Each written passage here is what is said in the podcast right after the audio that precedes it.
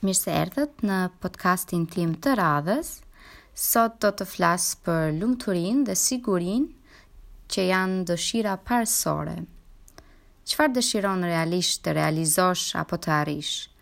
A ke disa qëllime të qarta apo nuk e di çfarë realisht dëshiron? A shkon gjatë jetës kudo që ajo të çon, apo ke plane të mirëpërcaktuara dhe po punon për t'i përmbushur ato? Jo çdo njeri ka qëllime. Shumë e kalojnë jetën duke dëshiruar këtë dhe atë, por kurrë diçka të përcaktuar. Disa madje ndjehen keq që nuk dinë realisht çfarë të bëjnë me jetët e tyre. Ne lexojmë dhe dëgjojmë kaq shumë rreth rëndësisë së të paturit qëllime në jetë, por e vërteta është që shumica e njerëzve nuk kanë qëllime të caktuara. Aktualisht, të gjithë njerëzit kanë qëllime të rëndësishme, ndonëse nuk janë të vetëdijshëm për to. Cilat janë këto dy qëllime? Çfarë është ajo që ti vërtet dëshiron? Paratë? Një punë më e mirë? Dashuria? Një shtëpi? Një makinë e re? Të udhëtosh jashtë shtetit? A dëshiron të bësh diçka të madhe apo ndoshta je i kënaqur me jetën tënde ashtu siç ajo është dhe nuk dëshiron ta ndryshosh atë? Nëse i analizon qëllimet e tua, të mëdha apo të vogla, do të zbulosh menjëherë se çfarë vërtet dëshiron janë lumturia dhe siguria. Çdo gjë që bën është e motivuar nga dëshira për të arritur lumturinë dhe sigurinë.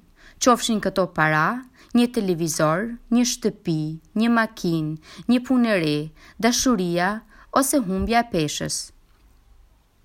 Ju dëshironi këtë dhe atë sepse besoni se arritja e tyre do të sjellë lumturi, siguri dhe si rezultat çlirim nga stresi, ankthet dhe frika. Shumë shpesh njerëzit i kushtojnë shumë kohë dhe përpjekje arritjes së diçkaje që në fund nuk jua sjell lumturinë dhe sigurinë të cilën ato e kanë pritur. Pyete veten, çfarë do të ta sillte ty ndjesinë e lumturisë dhe të sigurisë? Analizoje çdo qëllim sinqerisht dhe mendo nëse ai mund të sjellë lumturinë dhe sigurinë e lakmuar dhe të dëshiruar prej teje. Në qoftë se jo, Pse të mos gjesh një qëllim më të mirë? Lumturia e vërtetë nuk varet tek zotërimi nga rrethanat. Lumturia e vërtetë del nga brendësia. Siguria e vërtetë fillon si një gjendje mendore, si fuqi e brendshme, si besim tek vetja dhe në fuqinë që ka krijuar universin. Nëse ndjehesh i lumtur dhe i sigurt, do të jetë më e lehtë të arrish lumturinë dhe sigurinë në botën materiale. Ti mund të zgjosh brenda teje ndjenjën e lumturisë dhe të sigurisë, edhe nëse tani ajo mungon në jetën tënde. Zgjoji këto ndjenja disa herë në ditë duke përftyruar dhe duke ndjerë që je i lumtur dhe i sigurt në nivelet mendore dhe materiale. Ndiej dhe imagjino sa plotësuese është t'i përjetosh dhe t'i shijosh këto ndjenja. Është një ndjesi harmonie e brendshme, paqeje dhe bindjeje se mund të arrish çfarëdo që dëshiron.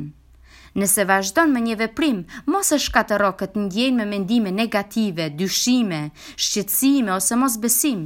Kjo do të fillojë të dëmtojë mënyrën si mendon, si vepron dhe si reagon ti në situata të caktuara. Do të bëhesh optimist, energjik dhe i motivuar.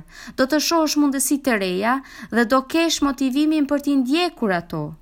Nuk ka magji këtu, thjesht ligje natyrale në punë. Çdo gjë fillon në mendje, fillon ndjesia e lumturisë dhe sigurisë brenda teje dhe kjo do të manifestohet në botën materiale.